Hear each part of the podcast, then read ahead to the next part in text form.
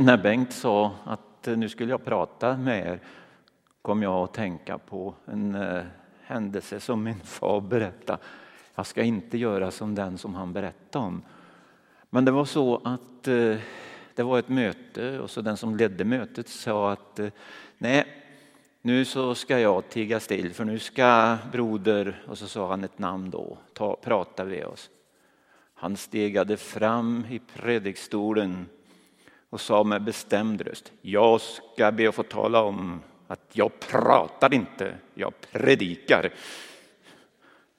Men, men jag förstår inte hur han skulle kunna predika utan att prata i och för sig.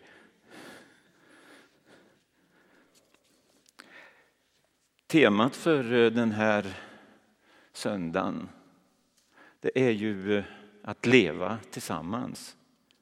Och den föreslagna, eller, ja, den föreslagna predikotexten då, den är hämtad ifrån Matteus, det trettonde kapitlet, verserna 50, 33 eh, till och med 58.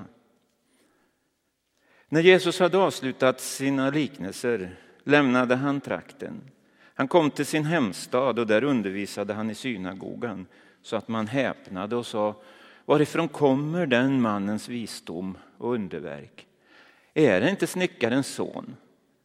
Heter inte hans mor Maria och hans bröder Jakob, Josef och Simon och Judas? Och bor inte alla hans systrar här hos oss?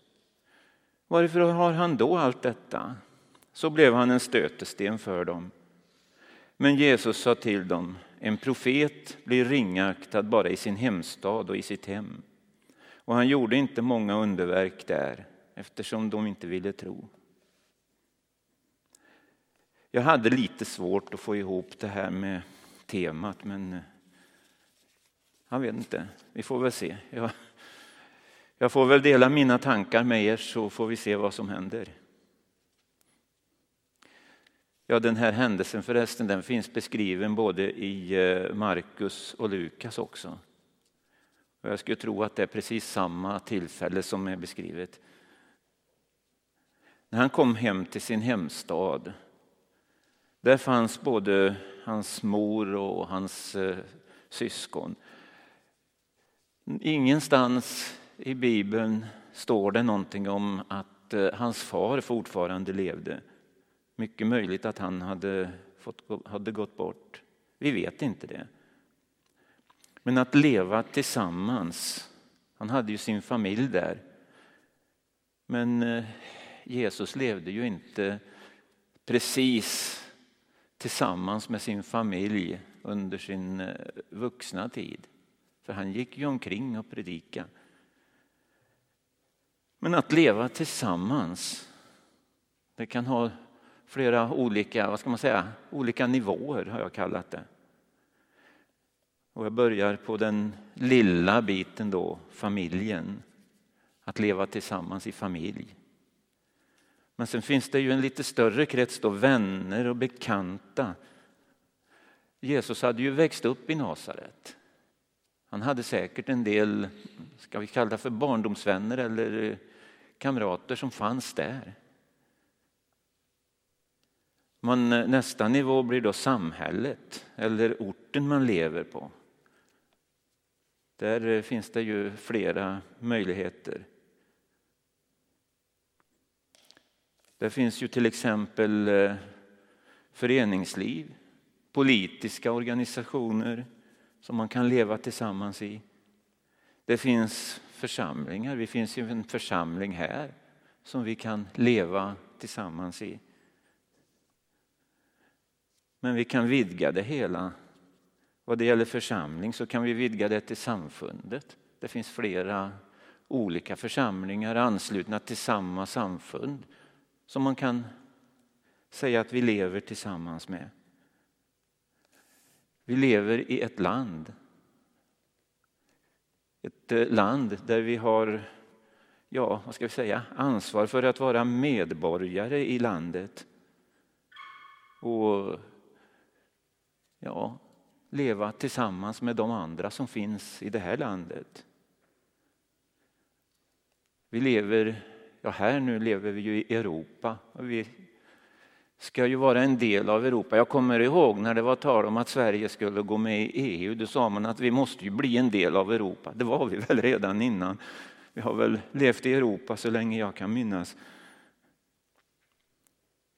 Eller är vi kanske rent av kallade att vara världsmedborgare, globalt alltså.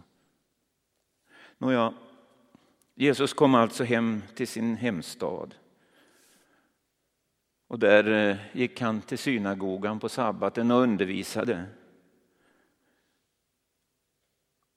Och folk blev så förvånade för han hade ju växt upp där, en enkel snickarson. Men han undervisade på ett sätt som ingen annan gjorde. Som vid ett annat tillfälle var det någon som sa, han undervisar ju inte som våra skriftlärde utan han undervisar med makt och myndighet. Men i synagogan så blev man, vad ska man säga, uppbragt, irriterad. Han, ska han komma hit? Ska han komma hit och lära oss hur det ska vara? Vi har ju levt här, vi vet väl hur det är här i Nasaret. Han ska inte komma hit och tro att han är någonting. I Lukas versionen av den här eh, eh, händelsen så står det att han blev ganska rejält mobbad kan man väl säga. De körde ut honom ur stan och drev honom fram till en brant och tänkte putta ner honom. Så långt gick de i sin irritation. Men Jesus vände sig om och gick tillbaka genom folkhopen.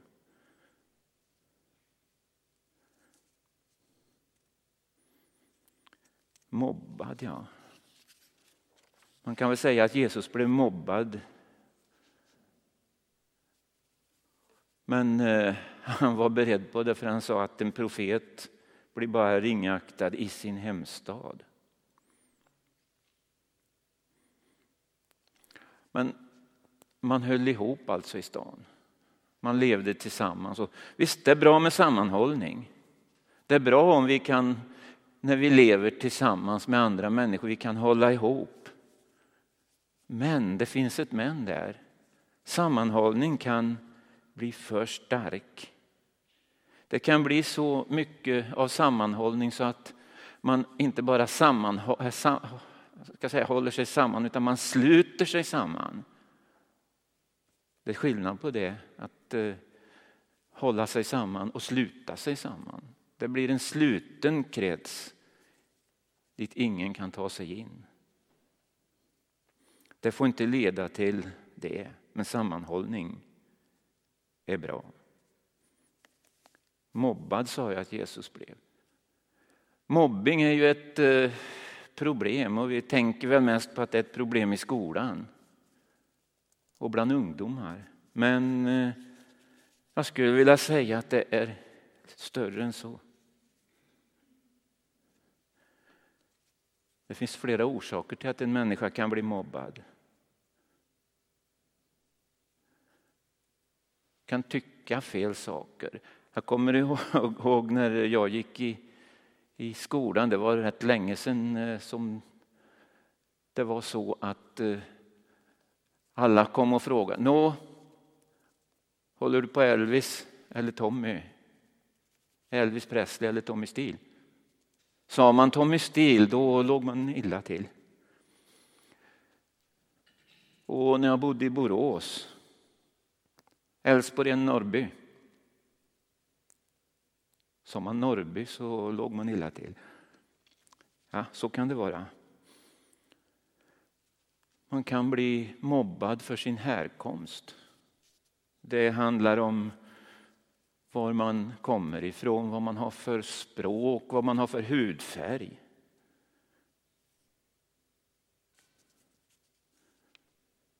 Vad har jag skrivit där? Man kan bli mobbad för eh, sin trosuppfattning eller eh, sin tolkning. Om man har fel tolkning av till exempel bland eh, kristna kan det vara att man tolkar ord på, ordet på, på fel sätt. Det har förekommit och förekommer väl kanske fortfarande, jag vet inte så noga, jag har inte råkat på, råkat på det på sista tiden, men att eh, den som ser saker på ett annat sätt och uppfattar det som står i Bibeln på ett annat sätt blir mer eller mindre utfryst. Ett exempel på det från, ja det var egentligen innan jag var så stor så jag begrep någonting om det, men jag har hört berättas om det. Min eh, mamma och pappa tillhörde en gång i tiden Vårgårda pingstförsamling. Men eh, vi flyttade ut på landet, ja vi bodde inte i Vårgårda, men vi flyttade ut på landet till ett ställe som hette Äggvena. Och där fanns det en liten missionsförsamling. Ja, vadå, man eh, går väl in i den församlingen som finns närmast, tänkte de och gick in i Äggvena missionsförsamling. Det var inte bra, tyckte man i Vårgårda. Man kan bete sig lite avvikande. Röra sig på ett annat sätt. Prata på, om, på ett annat sätt. Använda ett eh, lite mindre välvårdat språk kanske. Eller inte använda ett ovårdat språk. Det kan också vara en sak.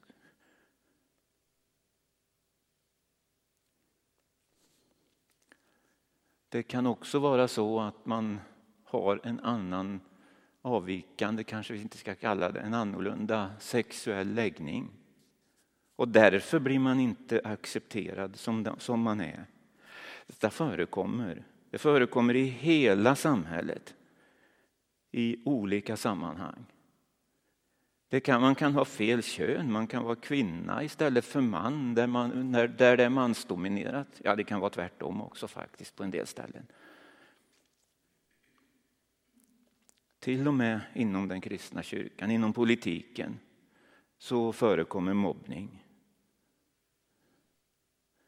Att leva tillsammans, då ska det inte mobbas någonting. För, för att leva tillsammans i alla de här sammanhangen som jag nämnde med olika, olika nivåer av sam, att leva tillsammans så krävs tolerans, överseende, empati och inte minst, vad tror ni jag ska säga nu? Kärlek. Inte minst kärlek. Det Jesus försökte lära oss när han gick här på jorden det var att eh, älska varandra tänker på det dubbla kärleksbudet. Älska Herren din Gud av hela ditt hjärta, hela din själ, all din kraft hela ditt förstånd. Man kan inte koppla bort förståndet där heller. Det har förekommit att man vill det, men så är det inte. Älska din nästa som dig själv. Jaha, vem är nästan då? Ja, det är i princip alla. Alla andra. Fastän eh, man kan ju börja med att säga att det är de närstående, familj och vänner. Man kan eh, titta sig om och se, man har grannar. Man har andra människor som bor i samma stad.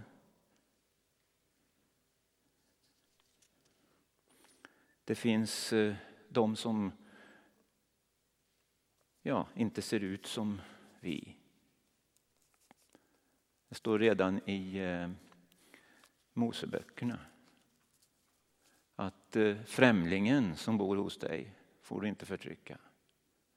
Bland annat står det det. Det står flera som man inte får förtrycka eller vända till rätten för.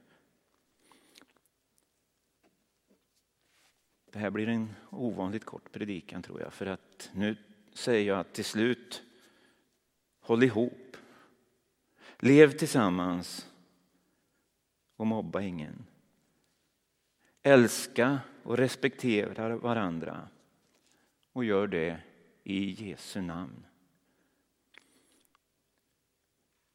Jesu namn och göra det i Jesu namn.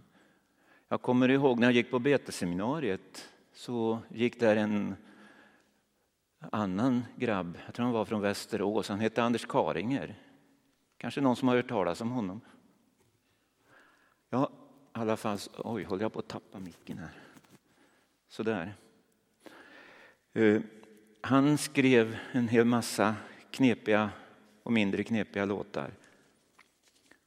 Nu kan jag inte melodin säkert, men eh, jag kan läsa texten. När vi är tillsammans, tillsammans med varann. Om alltihop som händer sker i Jesu namn får vi andliga gåvor. Andliga gåvor när vi är ihop i Jesu namn.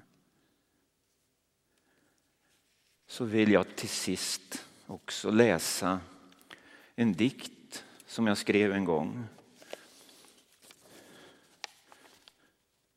Jag har kallat den Som vetekornet. När egna omsorger dödas för någon annans skull så är det att åter födas som fröet i markens mull.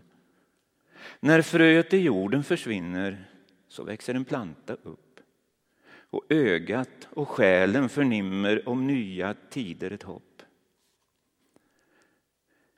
När kärleken övertar makten och jaget får dö lite grann då kan man förnimma prakten av en gemenskap sann.